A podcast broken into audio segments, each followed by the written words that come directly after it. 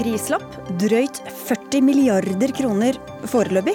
Men det nye storsykehuset i Oslo har allerede satt av for få plasser til pasienter, mener kritikerne. Vi ser nærmere på det som skal bli Norges største sykehus. Regjeringas mobbelov fungerer ikke, sier mobbeombud, og mener Kunnskapsdepartementet urettmessig legger skylda på skolene. Norske myndigheter peker på gass som en viktig del av løsninga på veien til fornybarsamfunnet. Men ifølge ny rapport når vi ikke Parisavtalens mål om vi satser på gass som i dag. Så hva sier politikerne nå? Og Fremskrittspartiets ungdom går til kamp mot det de kaller barnepikestaten, og vil at utestedene selv skal få bestemme skjenketidene.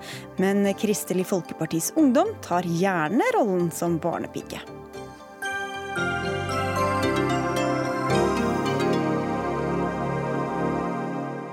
Dette er Dagsnytt 18 i studio Sigrid Solund. Hvor stort må et sykehus være for å ha plass til framtidas pasienter? Det er et spørsmål som går igjen over hele landet når nye sykehus bygges. For hva hjelper det vel med et nytt sykehus om du ikke kan ta imot alle som trenger hjelp? Nå er kritikerne skeptiske til at det nye Oslo universitetssykehus, som skal bygges til en prislapp på over 40 milliarder kroner, allerede er for lite, og det før det en gang er bestemt at det skal bygges. Kjersti Toppe, du er stortingsrepresentant for Senterpartiet og sitter i helse- og omsorgskomiteen. Dette er bare juks og fanteri, for å si det rett ut, sa du til Dagens Næringsliv. Hva er det som ikke stemmer i disse beregningene? Eh, det som ikke stemmer, det er hvordan eh, helseforetaket planlegger eh, for sin kapasitet på, det nye sykehuset. Og i Oslo så legger du til grunn at et såkalt samarbeid om de mest syke pasientene skal få ned sengetallet med 15 Det tilsvarer 100 000 liggedøgn i 2035. Og som da blir brukt til at eh, sykehuset kan eh, bli bygd eh, mindre. Og Det dette jeg kaller for juks og fanteri. Dette vil jo aldri bli en realitet.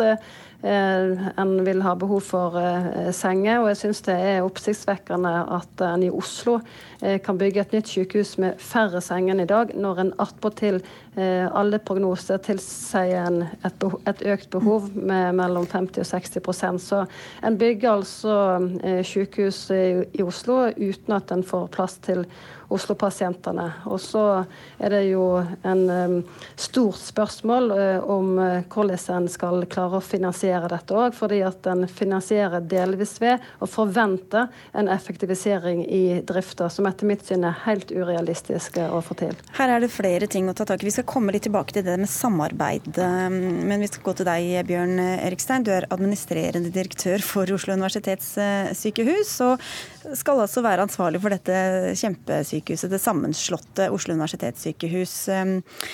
Du utreder, eller dere utreder utbygginga av det nye sykehuset. Men hvordan vet du at dere faktisk eh, får nok senger til alle som trenger det? Det er jo laget eh, retningslinjer for hvordan vi skal beregne dette. Eh, og Det er laget av Sykehusbygg, som er byggselskapet som de fire regionale helseforetakene eier. Eh, og De har jo en regnemodell da, som, eh, som, de bruker, og der ser man jo på behov.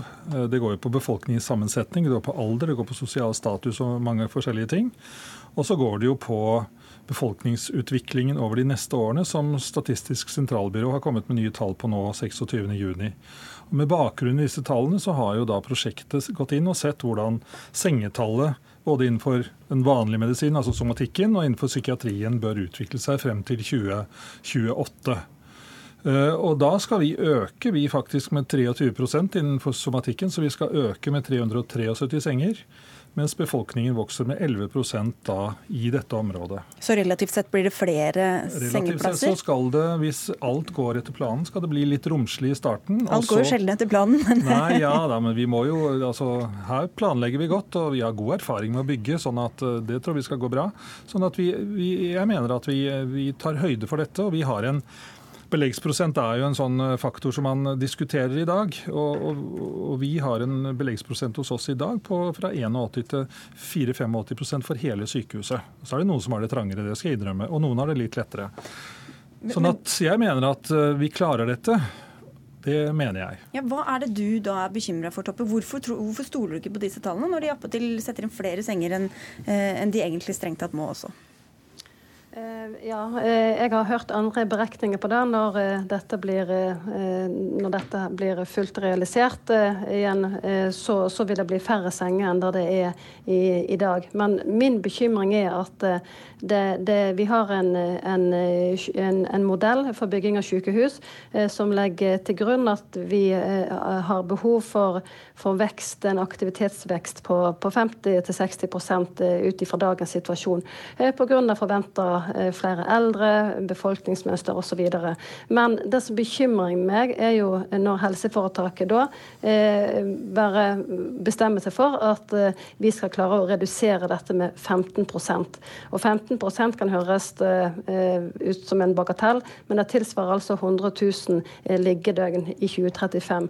Og når vi vet eh, hvor sprengt kapasiteten er allerede i dag, og vi har gjort smertelige erfaringer bl.a. ved bygging av Ahus, det nye i sykehuset i Østfold, der det er korridorpasienter fra første, første dag, eh, så må jo vi lære. Eh, og eh, vi, vi kan jo ikke gjøre samme feilen om igjen. Og jeg tror at Erik Stein og helseforetaket underestimerer behov for senger i det nye sykehuset. Og det som er bekymringsfullt, er at eh, dersom, hvis vi gjør en feil nå, eh, så vil det få store konsekvenser for eh, lokalsykehustilbudet til Oslo sin befolkning i en generasjon, altså i mange år framover. Derfor er dette her ekstremt viktig å få fram en debatt om nå. Det har, et, det har, vært en utfordring å få frem disse sengetallene, og det har versert en god del tall som ikke har da hatt på en måte rot i en, slike beregninger. og Disse tallene er helt uh, nye. og Vi skal altså samlet sett for hele sykehuset, inkludert psykisk helse og rus-avhengighetsbehandling, øke fra 1870 senger i dag til 2293 senger i 2028. Men så blir vi også eldre og flere, og vi får mer ja, sammensatte lidelser og, og mer kompliserte. Det har vi tatt hensyn til. Det ligger på en måte inne i beregningsgrunnlaget, sånn at det, det skal man da ta hensyn til. Og så skjønner jeg at det har skapt en del bekymring og forvirring knyttet opp til at vi også har fått i oppdrag om å se på hvordan kan vi fornye måten vi gir helsetjenester på. Hvordan kan vi samarbeide bedre med kommunen, som vi allerede samarbeider svært godt med. Og, og, Det er jo ikke sånn at vi skal overføre 50 000 liggedøgn til Oslo kommune. Vi må sammen finne ut hvordan kan vi klare å gi pasientene et godt tilbud inn i fremtiden. For Målet er jo da at færre skal ligge på sykehus og flere skal få behandling eh, nærest mulig. I, Min altså erfaring er jo at pasientene vil jo være hjemme. Ja, og, jo, og dette er jo, Men vi skal gå til Tone Telvik Dahl her, eh, Toppe. Du er altså byråd for Heldre helse, Heldre? Eldre helse og arbeid, slo det sammen, ja, eh, i Oslo og representerer Arbeiderpartiet. Og du har sagt i dag Dagens Næringsliv at du frykter at en stor mengde av de sykeste lesses over til kommunene uten at kommunene i stand, settes i stand til å ivareta disse. Hvorfor har ikke du tillit til at Oslo universitetssykehus planlegger dette godt nok? Nei, Vi har også stilt spørsmålstegn ved beregningene både til Oslo universitetssykehus og Helse Sør-Øst, all den tid eh, befolkningsveksten i Oslo alltid de siste 20 årene har vært mye høyere enn hva de som eh, driver med tallknusning har lagt til grunn.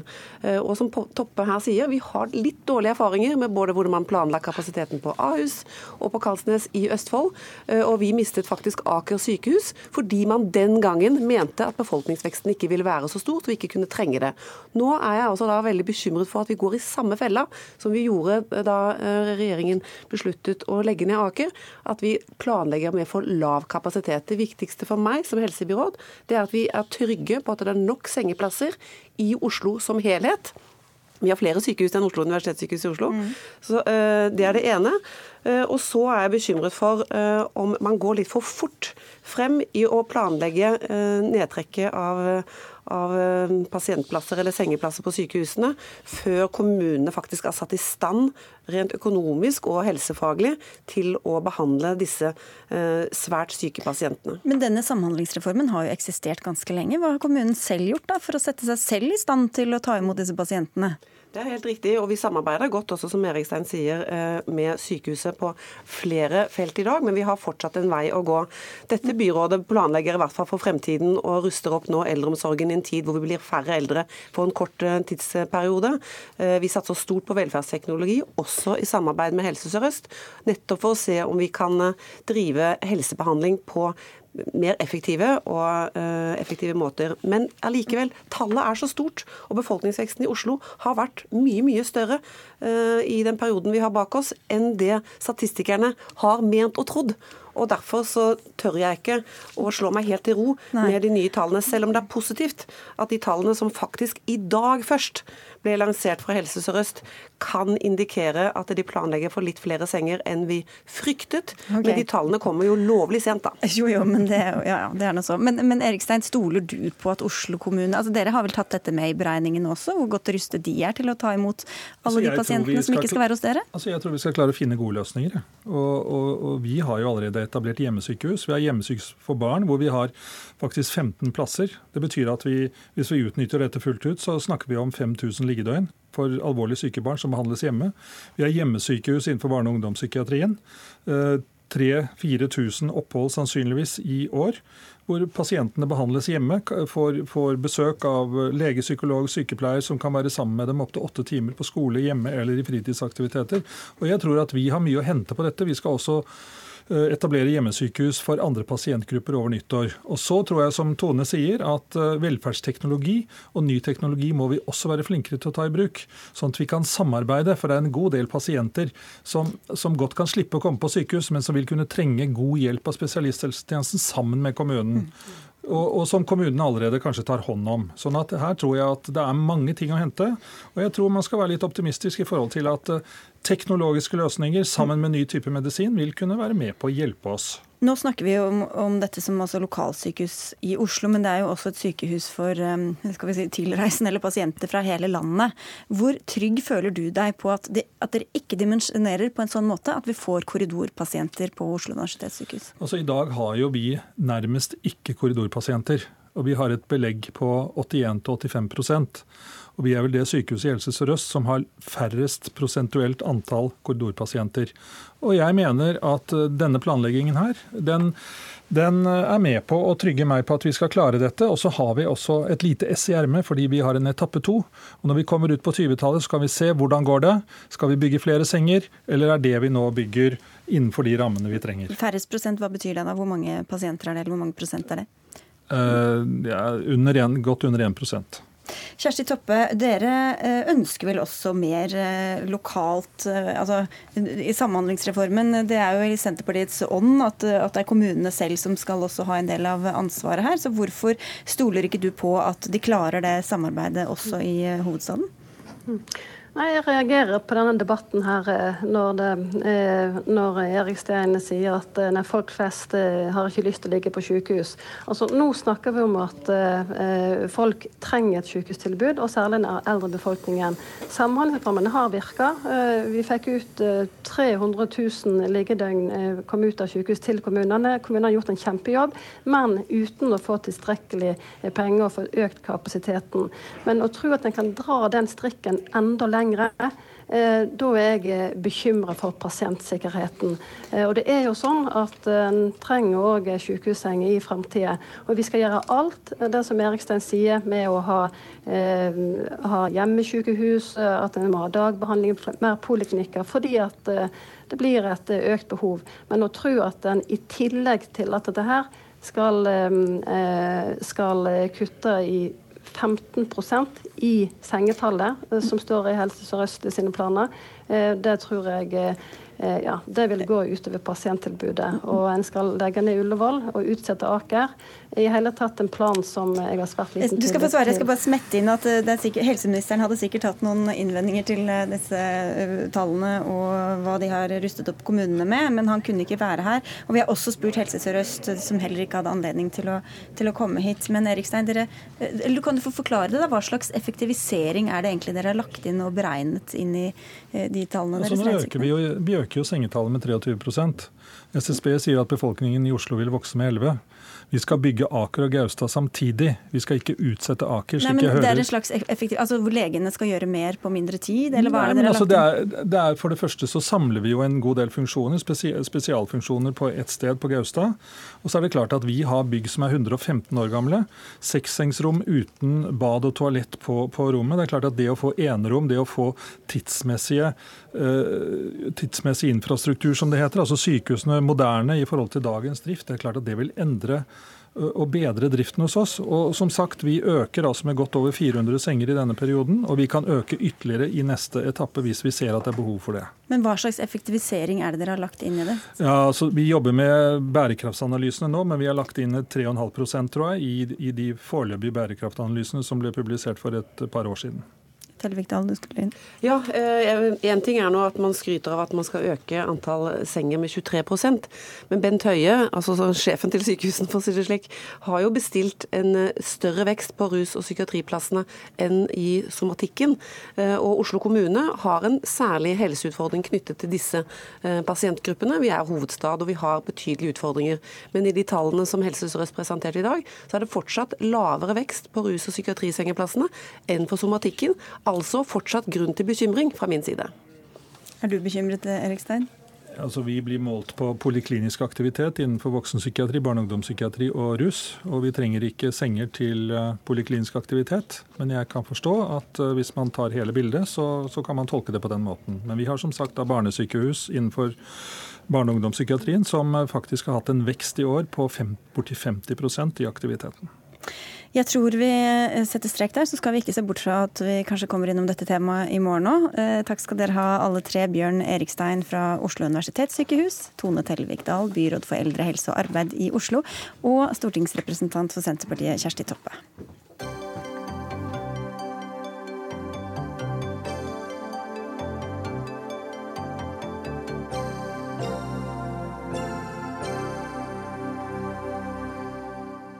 Så skal vi til et stort problem som samfunnet sliter med å bli kvitt, og som rammer mange mange barn, nemlig mobbing i skolen. I fjor kom et nytt og strengere regelverk mot eh, mobbing, som bl.a. inkluderer en aktivitetsplikt for eh, de ansatte i skolen. Men ett år etter viser en undersøkelse at fylkesmennene har gitt elevene medhold i at fire av fem skoler ikke har overholdt aktivitetsplikten sin. I morgen holder kunnskaps- og integreringsminister Jan Tore Sanner et stort møte der bl.a. fylkesmenn og mobbeombudene i fylkene skal diskutere situasjonen. Men vi tar et formøte her i Dagsnytt 18. Kjersti Overen, du er mobbeombud i Oslo og har skrevet i Aftenposten at mange skoler i beste mening iverksetter mangelfulle tiltak mot mobbing som i verste fall forsterker problemene. Hva viser du til da? Først og fremst vil jeg si at jeg er veldig glad for at jeg bor i et land der politikerne tar mobbing på alvor og setter det på dagsorden, og har eh, fokus på at vi må ha strenge regler for å ivareta elevers sikkerhet. Likevel så ser jeg at mobbeloven er bra, men den er jo ikke nok til å eh, ta for seg de holdningene som eksisterer blant eh, spesielt voksne når det gjelder annerledeshet og utenforskap. Eh, sånn at jeg opplever at Den politiske retorikken om mobbing den tar liksom ikke høyde helt for nyansene i mobbeproblematikken, og mangler en, en, ekstra dimensjon som handler om samfunnet rundt og de normene som påvirker skolens beslutningsprosesser. Hva tenker du på det? Da er det jo f.eks. Eh, disse vektingene som skolene står overfor når det er høyt tidspress og høyt arbeidspress, og de må vekte ulike hensyn, f.eks. hensyn til skolens økonomi eller ansattes timeplan, eh, opp mot elevens beste. Eh, og Regjeringen har jo i sin regjeringsplattform at eh, Barnekonvensjonen skal ligge til grunn, men likevel så ser vi at eh, dette, denne kunnskapen skorter det på ute i skolene. Så da hadde jeg ønska meg at når disse tallene fra Fylkesmannen kom, så kunne vi lest litt om hva Kunnskapsdepartementet ønsker å sette fokus på, kanskje spesielt for å bedre situasjonen, istedenfor å snakke mer om det som vi allerede vet er viktig. Ja, for du sier, Vi skal slippe til Kunnskapsdepartementet her, men du, du, du, reagerte også på en pressemelding som Kunnskapsdepartementet sendte ut i august med mm. tittelen 'Skolen gjør ikke nok i fire av fem mobbesaker'. Hva var det du da reagerte på? Jeg tenker at Her er det noen opprettholdende faktorer. Det er interessant, Vi har aldri hatt så mye kunnskap som vi har nå om mobbing, og likevel er tallene stabile. Eh, de opprettholdende faktorene tenker jeg, handler ikke om mangel på kunnskap, men det handler om synet på annerledeshet, og at det preger skolen mer enn vi tror. Det er ikke noe feil med den pressemeldingen, men for det første så reagerer jeg litt på at det er en skyldplassering overfor skolene. At, at det insinueres at skolene må bare skjerpe seg. Det er klart Skolen har ansvar, men politikerne har også ansvar for å modellere noen av de holdningene som de ønsker at skolen skal vise. Og Samtidig så skulle jeg ønske at det sto noe mer om barns rett til å bli hørt. Um, og jeg tenker politikk handler jo mer om bare lovgivning og bevilgning av midler. Det handler jo også om å sette noen normer i samfunnet. Ok, Da var det mye å ta tak i her. Rikke Høistad Skjøberg, du er statssekretær i eh, Kunnskapsdepartementet. Vi kan jo ta dette først, da, og hvorfor dere legger skylda på, på skolene, hvis det er holdninger og mye annet omkringliggende det skorter på? Ja, akkurat uh, her så må jeg jo ta et lite forsvar for skolene. Fordi det er sånn at elevene kan klage til Fylkesmannen hvis de opplever at skolene ikke har gjort nok. Og det er av de sakene hvor, uh, hvor fylkesmennene har sagt at i 80% av sakene så har ikke skolene gjort nok. Uh, så det er antagelig veldig mange saker hvor skolene har satt i verk tiltak, hvor de har fulgt opp plikten sin. Avdekket og håndtert mobbingen på en god måte, slik som vi jo alle ønsker. Eh, men så trekker mobbeombudet opp en, en, interessant debatt her om verdigrunnlaget i skolen. Og det diskuterer vi veldig gjerne, men når vi har en pressemelding om de tallene fra Fylkesmannen, så, så handlet nok den konkret om, om mobbetallene. Når vi diskuterer mobbing, så er det viktig at vi evner å ha to tanker i hodet samtidig. Vi må både eh, sørge for at vi avdekker og håndterer mobbing, følger opp de som opplever mobbing på en god måte, men vi må også jobbe med læringsmiljøet. ikke sant? Sånn som du, du trekker fram her, som er veldig viktig. ikke sant? Hvordan jobber vi med et verdigrunnlag der vi har en inkluderende skole, hvor det er rom for alle?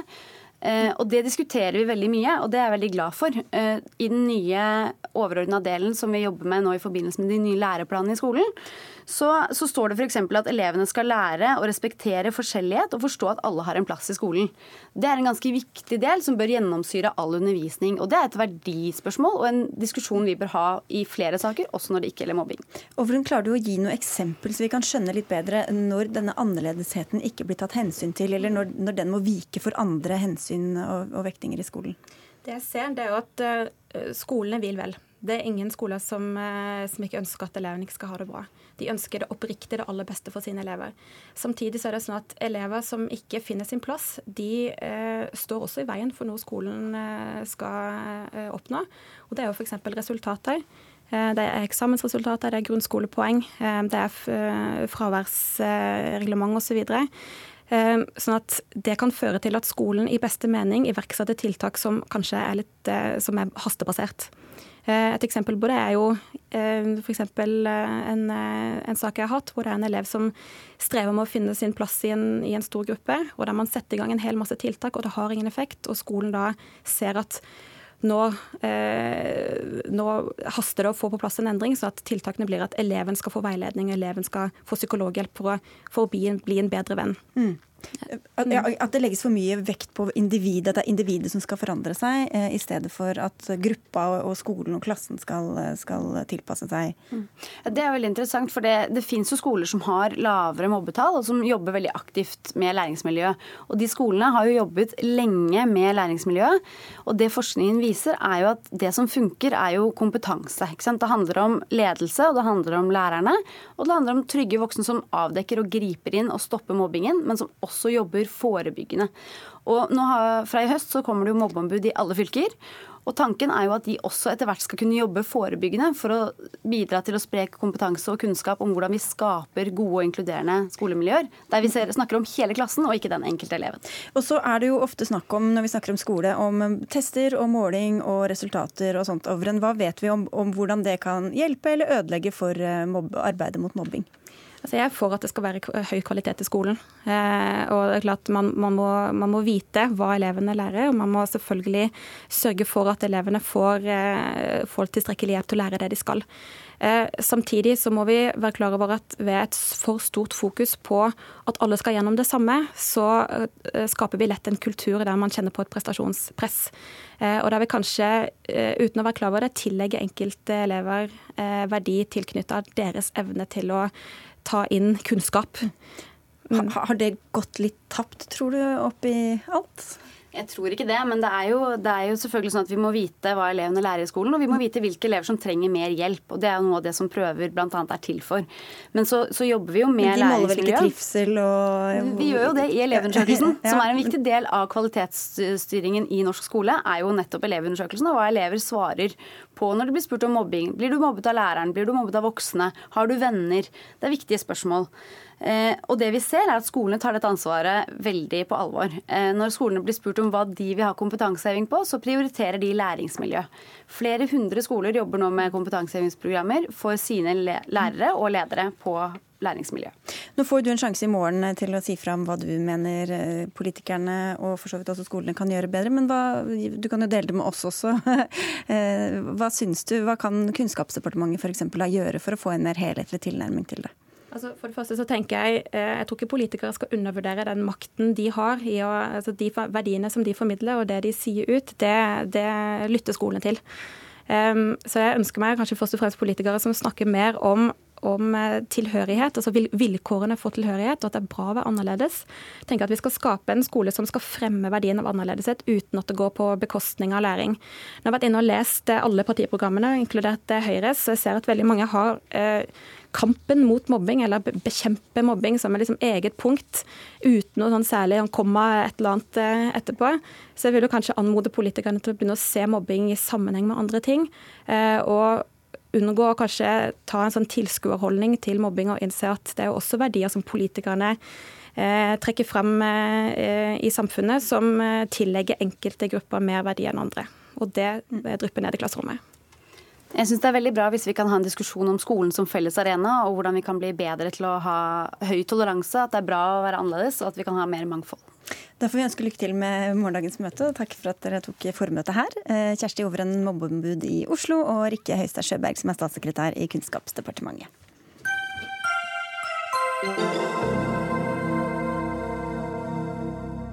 Så skal vi til et møte av litt andre dimensjoner. For Vestens kjølige forhold til Russland betyr at landet ser østover etter politisk støtte og samarbeid. I dag møtes Kinas president Xi Jinping og Russlands president Vladimir Putin i den russiske byen Vladivostok. Det skjer i en tid der USAs handels- og utenrikspolitikk bidrar til mye usikkerhet. Jan Espen Kruse, korrespondent i Moskva. Hva er de store spørsmålene som Xi og Putin kommer til å diskutere? Ja, de snakker, eh, de to presidentene de snakker mye om eh, USA. Og eh, de er skjønt enige om at jo mer uforutsigbar den amerikanske politikken blir, jo mer trenger Russland og Kina hverandre. Forholdet mellom Russland og Kina blir stadig viktigere pga. dette. Det var de to skjønt enige om i dag. Og så har de snakka massevis om handelspolitikk, og de har, selskapet på kinesisk og russisk side har allerede allerede inngått samarbeidsavtaler. Og så har de snakka om eh, situasjonen på Koreahalvøya. Vi skal snart til Kina også, men hva kan Russland få ut av et eh, enda tettere forhold med Kina? Ja, Først og fremst dreier dette seg om eh, handel. Russland eh, selger jo massevis av olje, gass og matvarer til Kina, mens kineserne selger eh, forbruksvarer tilbake. Sånn at de økonomiske forbindelsene er, er veldig viktige. Men de to presidentene sa også at sikkerhetspolitikk er noe de drøfter stadig mer. Mm. Jeg sa vi skulle til Kina, det var ikke helt riktig, men vi skal i hvert fall til Bergen. Og til deg, Hans Jørgen Gåsemyr, du er forsker ved Universitetet i Bergen, og for den saks skyld også Universitetet i Oslo og NUPI. Eh, hva med Kina? Hva kan de få ut av et eh, kameratslig forhold til eh, Russland? Vi har sett gjennom eh, flere år nå at Kina har lagt veldig mye vekt på å varme opp forholdet til eh, Russland. og Det handler først og fremst om Kinas egne interesser. Kina er mer og mer til stede i områder av verden, spesielt i Sentral-Asia, hvor Russland eller Sovjetunionen tradisjonelt har vært eh, dominerende. Så det å spille ball og vise godvilje for Russland, der regner, overfor Russland, der regner Kina med å få godvilje tilbake, og det får de. Hva, eh, denne, denne, usikre situasjonen i Vesten, og også både forholdet til Russland og til, til USA, hva, hvordan spiller den inn på, til, til Kinas fordel? Ja, Kina er jo kanskje, hvis man ser på de storpolitiske aktørene der ute i verden i dag, så er kanskje Kina den eh, mest strategiske, eller den over tid som er mest eh, stabil. Eh, og de skiftene og de til dels kaotiske forholdene vi har sett politisk i USA, de har jo tjent Kina på mange måter.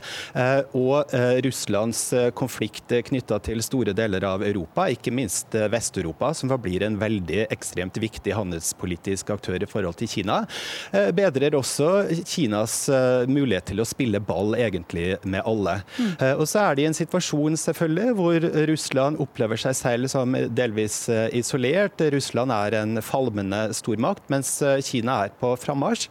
og da er det selvfølgelig også greit for Kina å, å, å spille ball med Russland, og på den måten også varme opp et forhold som de kjenner på. Jan Espen Kruse, er du enig? Er det, de, er det sanksjonene og uoverensstemmelsene her som, eh, som fører Russland inn i armene på Kina?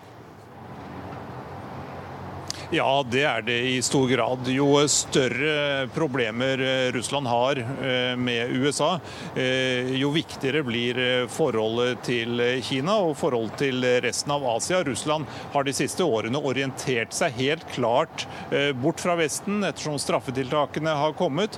Og vanskeligheter med handel, så har de gått mot Kina. Så dette er rett og slett et resultat av den vestlige politikken. Men Gåsemyr, likevel sier du at det ikke ser på dette som en allianse. Hva skal vi kalle det da? Nei, vi kan kalle det et eh, gryende vennskap, eller et pragmatisk formål som kanskje er i ferd med å bli enda mer eh, strategisk. Og så er det jo spennende å tenke noen år fram i tid. Hvis man tenker 5-10-20 år, så kan man jo se tendenser på det som faktisk blir eh, en alliansepartner på noen områder. Men det er jo også sånn at eh, Kina og Russland har også store politiske uenigheter, eller interesser som eh, har brakt de landene mot hverandre tidligere, i nyere historie også, og som kan blusse opp igjen. Så jeg tror vi skal være forsiktige med å tenke at det her blir for varmt og for, uh, i, for i, veldig rask grad mer snakk om en alliert eh, allianse mellom de to. Og Hvis vi ikke bare ser forover, men også litt bakover i tid, eh, hvordan vil du beskrive forholdet historisk sett? Ja, Det er ofte en misforståelse sett eh, utenfra at det gamle Sovjetunionen og Russland på en måte var brødre som kjempa sammen i en kommunistisk eller sosialistisk sak. Det var i stor grad et konfliktprega forhold, og det har vært et brokete forhold også opp gjennom historien. Men vi skal eh, se at det er vesentlig det som skjer nå, som har skjedd eh, spesielt de siste 10-15 åra, hvor eh, de konfliktene er på en måte lagt døde, og begge parter dyrker det de har felles. Og det er selvfølgelig selvfølgelig mye eh, felles eh, fra, som både Kina og Russland kan fremme, men, men ut ifra ganske ulike ståsted og ulike interesser, men som matcher hverandre veldig godt nå, også handelspolitisk. Og Hvis de nå finner eh, sammen i et varmere favntak, hva kan dette få å si for den storpolitiske balansen i, globalt? Ja, det er store spørsmål, men jeg tror vi i Du har 40 sekunder på det. 40 sekunder. Jeg tror vi i Europa skal være bevisst på at det konfliktfylte forholdet vi har til Russland, bringer uh, Russland østover. Og så skal vi være bevisst på at Kina er i en situasjon hvor de stort sett kan spille ball med hele verden, også USA, med unntak selvfølgelig av det gryende handelskrigen som er mellom de to. Så Kina er en stormakt på vei opp, politisk, økonomisk og også vært militært. Uh, så det skal vi være bevisst. Og så hørte vi også i dag Jan Espen Kruse, at uh, i dag begynner den største russiske militærøvelsen siden den kalde krigen. Og der deltar det 3200 kinesiske soldater. Hvordan leser du det inn i dette bildet? Ja, det er jo veldig interessant. Det er første gang eh, så store kinesiske styrker eh, trener eh, utenlands. Sånn at disse mm, Tidligere har jo Kina blitt sett på av Russland som en potensiell fiende. Nå kjører de løs på denne kjempemilitære øvelsen som er like i nærheten av Kinas grense. Så det er nok kjekt at den kinesiske presidenten er i Vladivostok akkurat nå, og at han er vitne til det som skjer, og at han også ser at 3000 eh, kinesiske soldater er med. Hensikten er nok å berolige også Kina og vise at eh, fra russisk side så er man alltid klare til å forsvare eget territorium. Så kan vi jo lure på i spenning hvordan dette mottas i USA. Vi kan jo følge med på Twitter og se om det dukker opp noe der. Takk skal dere ha begge to, Jan Espen Kruse med fra Moskva, og til deg, Hans Jørgen Gåsmyr, forsker på NUPI, Universitetet i Oslo og Universitetet i Bergen.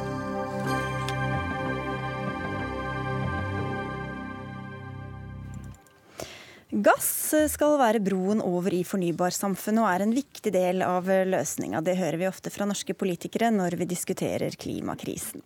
Men en ny rapport fra DNV GL, tidligere norske Veritas, kan kanskje slå beina under dette argumentet. For i scenarioet de tegner kommer gass fortsatt til å stå for en stor del av energimiksen i 2050. Noe som kan innebære at vi styrer mot en oppvarming på minst 2,6% Og dermed når vi ikke Parisavtalens mål om å begrense den globale oppvarminga til helst maks 1,5 grad. Men direktør for olje og gass i konsulent- og sertifiseringsselskapet DNV GL, Liv Hoem, si først hva er det dere har sett på i denne rapporten? Ja, for det første har vi jo sett på en prognose, eh, så det er ikke et scenario. Det er faktisk eh, det vi antar er det mest sannsynlige utfallet av den retningen som eh, energisystemet utvikler seg mot. Så Vi har laga en helt uavhengig matematisk modell hvor vi har modellert alle elementene i hele verdens energisystem. Og Basert på kostnader så har vi da projisert hva vi tror blir utfallet, fordi vi tror at det til syvende og sist vil være kostnadene på energi som vil bestemme hva som blir tatt i bruk. Eh, og det vi har funnet, da, er jo at verden vil gå um, i den retningen at det vil bli mindre avhengig av fossilt. Så i dag er jo 80% av energien vi bruker basert på fossilt, så det er olje, gass og kull. I 2050 så vil det være ca. 50% som er fossilt. Og, og da, eh, men dere sier jo samtidig selvfølgelig at fornybar da, det ligger jo i dette, får en, får en, større andel. Men ikke nok til å, til å oppfylle de kriteriene, eller til de målene vi egentlig har satt oss. Så Det vi også ser, da, er jo at eh, det går mot en kraftig elektrifisering av verden. Sånn I dag så kommer energien eh, i form av strøm eller elektrisitet, da, ca. 19 eh, Mot 2050 så er vi på 45% elektrisitet. Og mye av det vil være eh, generert av fornybar eh, energi. Eh, og mye av forbruket vil gå til transport. Mm. Transport er en stor del av det store skiftet. Da. Vi tror jo at elektrifisering av transportbransjen vil være en driver for at det blir så stort opptak av elektrisitet. Vi ser jo det skiftet særlig i Norge, men vi, vi ser at det skiftet går fort. Og kanskje fortere enn vi selv trodde for et år siden. Eh, i Kina, hvor eh, de bruker eh, mye elektrisitet til tungtransport, som f.eks. busser. Um, og så ser vi at uh, gass, uh, gass, tar jo en større plass, men vi ser jo også at kull går ned. Da. Kull er omtrent 30% i dag. Uh, Ca. 10% i 2050. Ja, i 2050 det er der dere ender opp. Det er der vi ender opp, ja. ja. Og da vil altså gass stå for en større andel? Gass vil stå for en større andel. Det blir ca. 15% i dag til ca. 30% i i, eh, eller 50 i 2050. Mm. Så gass er større. Og Norge er jo en eh, stor gasseksportør. Eh, Aftenposten skriver at dette er godt nytt for Norge, fordi vi da tjener penger, men at det er dårlig nytt for verden. For hvis gassen da får den sentrale rollen dere ser for dere, hvor mange graders oppvarming styrer vi da egentlig mot? Sånn som det ser ut nå, så styrer vi mot 2,6. Men gass er jo også en positiv bidragsyter fremover, selvfølgelig. For det at gass utkonkurrere kull. Det er bra både i forhold til eh, CO2-utslipp, men også bra i forhold til eh, forurensning og, og det som plager mye i storbyer. Vi ser jo F.eks. I, i USA, fordi at de har funnet mye billig gass, så har jo det fasa ut kull. Så det blir mindre forurensning. Mm. Vi ser det i nabolandet vårt Storbritannia, som faser ut kull og har importert mer gass fra Norge. Og i Kina jobber de jo mot å få grønn Nei, blå himmel. ja, Make the skies blue again. Uh, og da er jo gass en veldig stor del av virkemidlet for, for, å få til det. Ja, For gass er jo på en måte renere enn en olje, og olje er renere enn kull, som ja. er på en måte det verste av de fossile. Ja. Uh, men så snakker vi da ofte om, om gass som broen over til fornybarsamfunnet. Her, i den, Ifølge denne rapporten så når vi jo da ikke Paris-målet om 1,5 grad under Aina Bastholm. Du er stortingsrepresentant for Miljøpartiet De Grønne. Hvilket lys mener dere at denne rapporten setter norsk gassproduksjon i?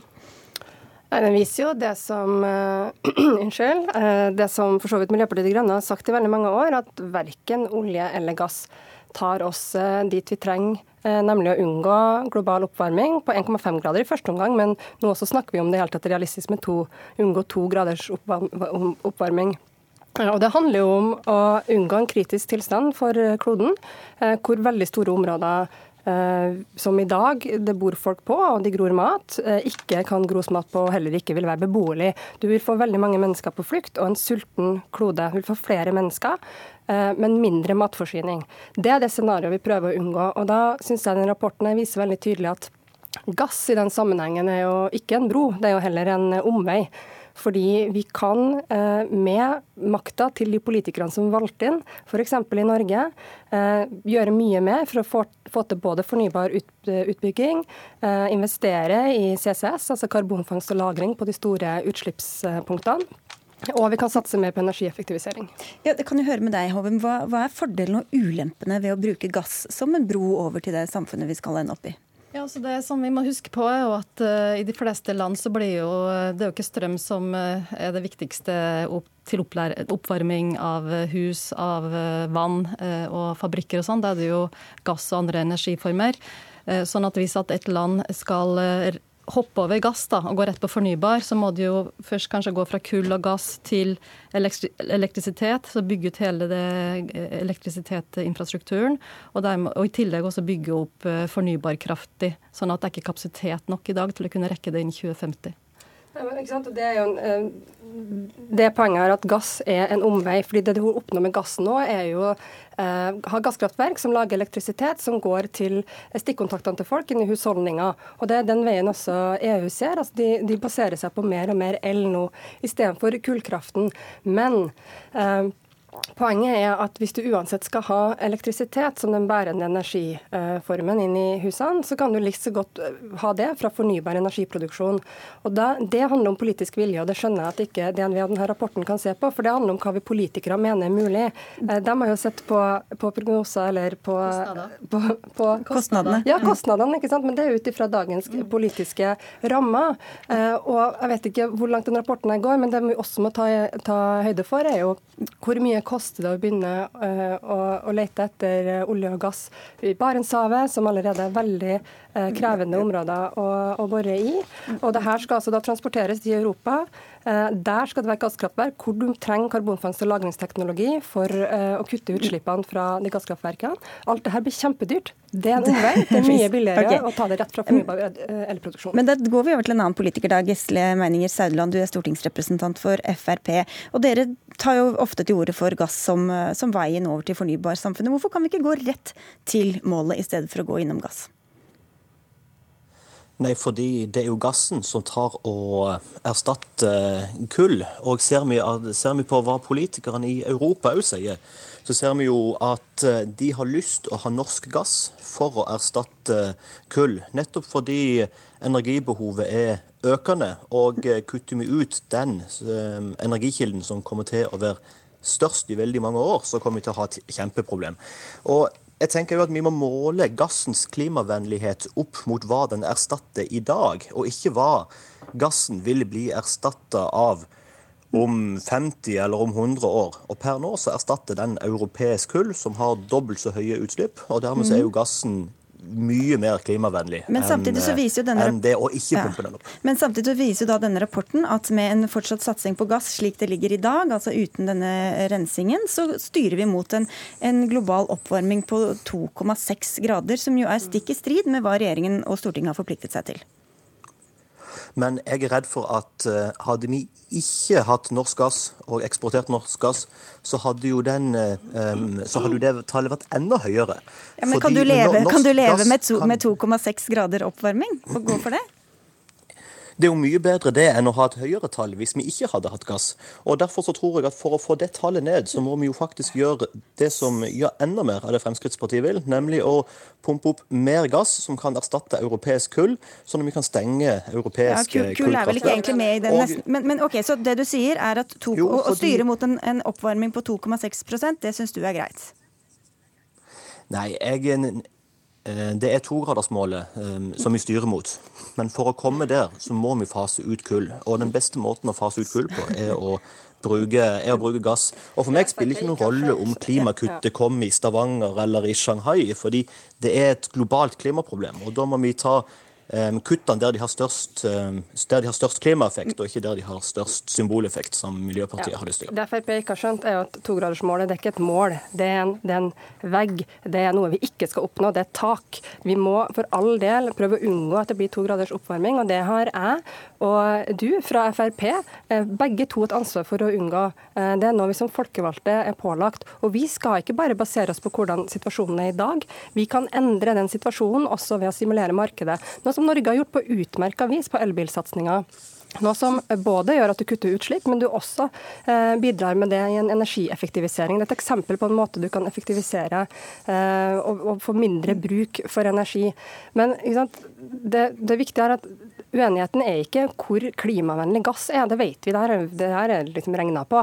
Men det er hva er mulighetsrommet, hva kan vi få til om vi ikke eksporterer den gassen. Jeg mener Norge bør satse eh, på fornybar energiproduksjon, på den kunnskapen vi kan bidra med og teknologiutviklinga som gjør at også Europa kan ta i bruk den, som vi gjør på elbiler. Vi skal slippe til en fjerdeperson, Kristin Færøvik. Du er administrerende direktør i oljeselskapet Lundin Norway, og du er styreleder i Norsk olje og gass, altså bransjeorganisasjonen. Eh, etterspørselen etter olje kommer til å gå ned, eh, ifølge denne rapporten, mens gass blir viktigere. Men da styrer vi altså mot en farlig global oppvarming. Hvordan forholder dere dere til dette? Ja, Denne rapporten handler jo ikke om hva vi styrer mot. Den handler om en ja, Hvor vi ender, da. Eh, ja, Den handler om en fremskrivning av fremtiden basert på rasjonelle økonomiske valg. Og, og Det dilemmaet som, som verdens politikere står overfor, er jo faktisk å fremskaffe nok energi til verdens befolkning til en pris vi har råd til å betale. Eh, økonomisk eh, eh, vekst er jo også et viktig parameter for, for, verdens befolkning. Og energi er et altoverskyggende element i, i, å løfte verdens befolkning ut av fattigdom. Og når det gjelder klimautslipp eller opptattheten av, av klimautslipp, så, så, må vi ta stilling til at det er en, en global utfordring. Mm. Eh, og det gir ingen mening i å stenge ned eh, eh, um, en industri, eller redusere investeringen i industri som allerede er blant de aller beste i verden når det gjelder men, utslipp. Men, men, bare ut fra disse kostnadsberegningene, uh, så styrer vi jo da mot en oppvarming på 2,6 ja, det, det betyr jo at vi, vi, kan, jo ikke, vi kan jo ikke slutte med, med, med det arbeidet som er påbegynt og som har pågått så lenge i norsk olje- og gassindustri industri har eksistert, eh, nemlig å, å, bli stadig mer effektiv i bruken av energi. Det er jo en av de oppmuntrende tingene med denne rapporten, at verden blir utrolig mye mer eh, energieffektiv, og at forbruket per, eh, per person Men Er du enig i at en, en oppvarming på 2,6% vil være en katastrofe? Det skal vi selvfølgelig gjøre alt vi kan for å unngå. Det, og der, og der, der, må jo verdens både industriledere og ledere jobbe mot og jobbe med de tiltakene som vi kan foreta. En av de tingene som vi er enige om, er at vi må bruke midler på eh, karbonfangst og -lagring. Vi er glad for de to pilotprosjektene som, som går i Norge. Mm. Vi bør sannsynligvis også bruke mer eh, penger på forskning og utvikling, nettopp for å redusere utslippene. For det, for det er det dere sier er liksom håpet her. Ja. Hvis man skal ha denne gassproduksjonen, så må man ha CO2-fangst og -lagring. Vi peker jo på flere ting for vi skal nå eh, det klimamålet vi ønsker. Det ene er faktisk enda mer gass, for at kull er det verstingen. Eh, vi ser på mer energieffektivisering, så raskere elektrifisering. Og så er det selvfølgelig karbonfangst og -lagring eh, som et viktig element der. Og da gjøres det mye i, eh, i spennende i Norge. Det som vi ser, og i, i den rapporten som vi har, så er fortsatt hydrogen og CCS så, såpass dyrt da, at det har ikke noe stor eh, virkning på energimiksen, sånn som vi har, satt, eh, sånn som vi har laga rapporten nå. Men vi ser jo tegn på at det kanskje er teknologier som blir tatt mer i bruk, og at vi dermed også får en kostnadsreduksjon, og at det kanskje kan bli tatt opp tidligere enn det som vi ser akkurat nå. For Det er jo viktig da at det går penger både til forskning, mm. utvikling og til eh, å investere i de teknologiene for å få det til å bli lønnsomme å bruke. Ja, for disse prognosene er jo, da, da har man jo ikke tatt med denne CCS-teknologien, Bastholm, altså ikke karbon karbonfangst og -lagring. Men hvis man tar den inn, så blir jo, blir jo bildet et ganske annet. Ja, men der blir det jo også kostnader, da, som eh, svinga litt innom i stad. Så er det da veldig lite mening i å skulle flytte masse gass fra Barentshavet f.eks. ned til Europa, og så skal et gasskraftverk der som du skal ha CCS på, allerede veldig dyrt. Og så skal det eh, bli ren el da, som du, du eh, fører ut til husholdningene. Det Europa nå egentlig etterspør, og det, jeg, jeg mener vi liksom ofte tilslører det her, er at Europa etterspør jo norsk gass med motvilje. Altså det alle land egentlig ønsker seg er jo å være selvforsynt på energi. Men de vil heller ha norsk gass enn russisk gass. Eh, og de vil heller ha gass enn kull. Men hvordan vet du at ikke alternativet er kull, er kull og, og, og, atomkraft i stedet for, eh, for gass? Altså kunne vært enda verre? Ja, altså Kull og atomkraft er jo verre enn en gass, men vi har også fornybar energi. og det her er jo nettopp eh, der hvor politikere må inn og, og, og sørge for at fornybar energi blir mer konkurransedyktig. Og Norge ikke minst kan bidra på to måter, mener jeg. Vi er en energieksportør i dag av olje og gass. Det må vi eh, gradvis slutte med. Vi må heller satse på eh, fornybar energiproduksjon, og vi kan tilby kanskje batterier, og vi kan tilby CCS-teknologi. Kanskje kan vi også lagre karbon eh, norsk, eh, i norske farvann, som gjør at vi kan bidra til den, det skiftet som Europa trenger. Og eh, vi må sjekke til Saudeland ja. også. Saudland, ja. Har mye på hjertet når det gjelder klima. Ja. Mer karbonfangst og -lagring. Der har dere fått kritikk lenge for at dere ikke har satt sammen nok Saudeland. Nei, men vi gjør jo det. Men vi har sagt at eh, der må vi ha en pust i bakken for å på en måte komme helt i mål. Men det som er viktig viktig å tenke på, eh, det er jo at eh, norsk gass bidrar til store inntekter. og Det er det som gjør det til et kinderegg. Det både fører til eh, lavere, lavere utslipp globalt, men det fører òg til, til, milliarder i fellesskapet. Som igjen kan brukes til alle de tingene som Miljøpartiet òg har lyst til vi skal bruke penger til. Tidenes elbilsatsing, bevare regnskog, CO2-fangst og -lagring og fremadstormende teknologier osv. Men det, det, er jo det at eh, de tingene har vi ikke råd til hvis Miljøpartiet får gjennomslag for eh, sin politikk om å kaste denne næringa ut med badevannet. Og det som er ekstra komisk, er jo at, er jo at Miljøpartiet De Grønne i Tyskland vil jo ha Miljøpartiet De Grønne i Tyskland. La meg fullføre. At rask når Miljøpartiet De Grønne i Tyskland vil ha Fremskrittspartiet sin politikk for å nå sine klimamål, mens Miljøpartiet De Grønne i Norge står for en helt annen politikk. Oi, nå var det mange som ville ha ordet her. Det hørte ikke jeg hva han sa, vi snakka sånn i munnen på ja, det var det, da. Det, det, må nesten gi deg ti sekunder helt på slutten her, eh, Færøvik. Ja, jeg vil bare si at Politikere kan ikke beslutte at kostnadene for fremstilling av energi skal ned. Det krever møysommelig arbeid fra alle aktørene. Ja, men det gjøres nå i Storbritannia ved at de faktisk subsidierer havvindproduksjon, som vi også burde gjort i Norge. Ok, Da får vi et, nytt, et stikkord til en annen debatt. Takk skal dere ha alle sammen. Liv Hoven fra DNV GL, Kristein Færøvik fra Lundin Norway og Une Aina Baston fra MDG og Gisle Meininger Saudland fra Frp.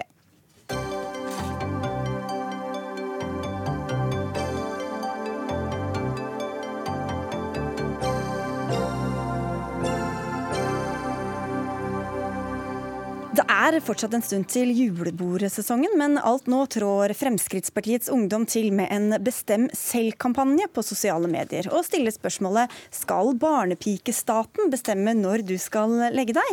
Nei, la utestedene bestemme sine egne stengetider, svarer regjeringspartiets ungdomsorganisasjon på sitt eget spørsmål. Bjørn Kristian Svensrud, du er altså leder i eh, FPU. Så når dere går til kommunevalg neste år, så er det full liberalisering av skjenketidene som står på plakaten? Blant annet, men da må vi ha et regelverk som åpner opp for det. Eh, akkurat nå så har vi jo en eh, kampanje på sosiale medier om nettopp barnepikestaten, som handler om at man skal kunne bestemme litt mer over sitt eget liv. Og der er skjenketidene en, en bit av det. Men også at elevene skal ha muligheten til å velge sin egen skole og sine egne fag. Så det, det innebærer mye. Men vi tar utgangspunktet der. og da, Bare for å gjøre det klart, så vil dere ikke ha noen reguleringer i det hele tatt når det gjelder skjenketider, eller hva? Nei, altså det er jo reguleringer på hvorvidt man kan være altså overstadig berusa. Eh, det kan man selvfølgelig ikke være på, på utestedene sånn som i dag, men, eh, men, vi mener jo at de som eier utestedene skal ha muligheten til å bestemme selv hvor lenge de skal ha åpent. Martine Tønnesen, leder i Kristelig Folkepartis eh, Ungdom. Du kalte dette for useriøst og, og hånlig. Hva er det som er useriøst og hånlig ved dette forslaget? Jeg mener at når 90 000 barn vokser opp i alkoholiserte hjem eh, med alkoholiserte familier og foreldre, og alkohol koster staten 22 milliarder kroner hvert år, da er dette et veldig veldig dårlig forslag. FPU ønsker altså fri flyt av alkohol til alle døgnets tider. Det mener jeg er en veldig dårlig ting å gjøre. Forslaget viser at FPU ikke tar disse på alvor, de som faktisk er de svakeste i samfunnet, de som opplever at alkohol er et problem. Og det mener jeg at det er veldig forkastelig, faktisk, av altså, et ungdomsparti å gjøre. Med, med respekt å melde, det er altså ikke sånn at du løser utfordringene med um, alkoholiserte foreldre basert på hvor lenge åpningstidene er på, utestedene. De er vel ikke med på bar heller? Nei, men, men, nei, forhåpentligvis ikke. Men så er det også sånn at hver gang vi er ute med noe som handler om å liberalisere og skape litt mer frihet for enkeltmennesket, så er jo KrFU imot. Enten det er vin i parken, eller om det er åpningstider på polet, eller nå disse åpningstidene på, på utestedene. Så uansett så er KrFU imot. Og av og til så kan det være lurt å gå inn i materien i forslaget og spørre seg om OK, henger denne argumentasjonen på greip også i denne saken? Og det gjør men, noe overhodet ikke Men det er vel ganske entydig forskning som viser at jo, mer, jo lettere tilgang, jo lengre ø, åpningstider, desto flere alkoholrelaterte skader, jo mer vold og osv. Så videre. så, så, men, men er, det, er, det, bare at dere sier at OK, men da, får, da ofrer vi den til fordel for de fleste? Ja, hvis, hvis, man ser på forskningen og undersøkelsen som, som, som, går på åpningstider i Norge, eh, så ser vi jo at uh, man først og fremst utgangspunkt i ok, hva er konsekvensen av å utvide til klokken tre i stedet for, for klokka to. Um, vi har generelt lite forskning som sier noe om hvis du har uh, åpningstider som tilsier at man, at man, kan bestemme det selv. Og Derfor er det veldig vanskelig å på en måte si konsekvensen av det, men det vi vet er jo hvordan det er i dag. Um, og Hvis man skal ta en typisk norsk lørdag, uh, norsk ungdom som er ute på byen, så vorser man hjemme. Uh, og Det er jo da billigst, så da får man ofte i seg mest mulig. Altså Norsk kultur er at man drikker da mest mulig på kortest mulig tid. Veldig mm. dårlig løsning. Eh, og så går man ut på byen, og så eh, stenger det klokka eh, enten halv tre eller halv fire. Og hva er det som skjer da? Jo, det er at alle samles utenfor utestedene. Enten ja, i taxikø eller det stengetider? Ja, eller enten i taxikø eller i matkø. Og du vil unngå denne kødannelsen dersom uh, utestedene selv kan bestemme hvor lenge de er åpent, fordi da drar man hjem når man er trøtt, og ikke når staten sier at du må hjem. Dette vil jo bare føre til at folk drikker lenger, og at folk drikker mer. Og det mener jeg at uh, er det én ting vi politikere har ansvar for, så er det å skape trygge rammer og skape et trygt samfunn. Og det forslaget forslaget her det bidrar ikke til det. Jeg mener at FU burde holde seg for gode for sånne typer forslag, for konsekvensene av den politikken her, de er ganske katastrofale. Eh, spørsmålet mitt er hva, hva tenker dere er eh, konsekvensene? Altså, jeg ser for meg mer vold. Jeg ser for meg at det blir økt eh, At politiet må bruke masse ressurser på å rydde opp i fyll og spetakkel i byen på nattestid. Og vi ser jo at der hvor man har eh, skjerpet inn, eh, inn eh, skjenketidene, ja, der har det blitt mye mindre vold. I Trondheim så prater vi om at det har vært en nedgang i 70 eh, i timen mellom tre og fire. Eh, på landsbasis prater vi om 17% mindre vold. Eh, og det er liksom disse tingene det handler om. Jeg ønsker å ta hensyn til at vi vil ha innbyggere som er trygge på byen, som er trygge der de er. Men, og da må man sette det foran det ønsket om å ta én øl til på byen. Ja, og Hvis hver enkelt øl eller hver enkelt time til, i tillegg gjør at det blir mer vold, hvorfor kan man ikke da like gjerne stenge klokka ti da, eller ni? Da får man jo mye færre problemer. Ja, det KrF KrFs politikk på det er jo at vi ønsker en, en, felles eh, stengetid klokka to. Eh, da har folk fått lov til å være på byen, fått lov til å ha det gøy. Eh, men man, ja, men man sier også at det er noen rammer. Jeg mener at man skal ha noen trygge rammer for alkohol. og det å... Og det, Hvorfor ikke stenge klokka ett eller tolv eller elleve hvis det er sånn at jo kortere åpningstider, desto sunnere er det? Ja, det, kan, det er gode forslag som man absolutt kan vurdere. Men det forslaget som FU kommer med her, det er jo å, å åpne opp for å selge alkohol til alle døgnets tider hele tiden, og det er altså, ikke bra. Ja, men Dette er jo prakteksempler på hva vi mener med barnepikestaten. ikke sant? Og så Her kommer Martine og sier når man skal gå hjem og legge seg, på en måte. Ja, jeg kan er, gjerne være barnepike hvis det betyr at barn er, og unge får et bedre oppvekst og en tryggere ramme rundt men seg. Men det er prakteksempelet, fordi eh, du kan ikke skyve barn og unge som lever i alkoholiserte forhold foran deg når vi snakker om åpningstider på eh, utestedene. Fordi let's be honest, de som skal ut på byen, de skal ut på byen uansett. Uavhengig av når åpningstiden er. Spørsmålet er for det første om man skal få litt større frihet både bedriftseierne, men også de som er ute. Og for det andre unngå disse kødansene hvor ofte volden oppstår. For det er jo i disse kø jo, Men tror du ikke at utestedene kommer til å stenge ganske likt uansett? fordi at på et eller annet tidspunkt så blir folk så fulle at de må kastes ut eller, eller gå hjem uansett? Og da må de hjem uansett. Ja, og altså, da, det, er ingen... det, er ikke så mange timer i døgnet at ikke det kommer til å bli mange som stenger eh, på samme tid. Nei. De aller fleste mennesker ønsker å gå ut på byen, ha det hyggelig, kose seg og ikke bli så full at man blir kasta ut. For det er ingen som har lyst til å bli det. Ja, det er noen som blir det, men de aller fleste blir ikke kasta ut av et utested. Og Derfor så mener vi at man da får en mer flytende ordning, hvor folk drar hjem når de er trøtte. Ja, jeg må snart kaste dere ut. Du skal få siste ordet, Tønnesen. Ja, jeg må bare si at Nå må FU ta av seg de ideologibrillene sine, som de ser på faktisk realiteten i det forslaget som de kommer med. Det kommer til å være økt fyll, det kommer til å være eh, mange flere eh, voldsepisoder på byen. og Det her tror jeg er et ekstremt dårlig forslag. Skal vi få se tallene på akkurat de påstandene der? Ja, de har jeg her, så ja, de kan du få lov til å se. Da kan dere sette dere i sofaen utenfor og eh, granske de tallene. Så skal vi si tusen takk for samtalen, Martine Tønnesen, leder i KrFU, og Bjørn Kristian Svendsrud, leder i FPU. Dagsnytt 18 er over for i dag. Det var Jaran Ree Mikkelsen som hadde ansvaret for innholdet. Finn Lie hadde det tekniske ansvaret, og jeg heter Sigrid Solund, og vi ønsker alle en fin kveld videre.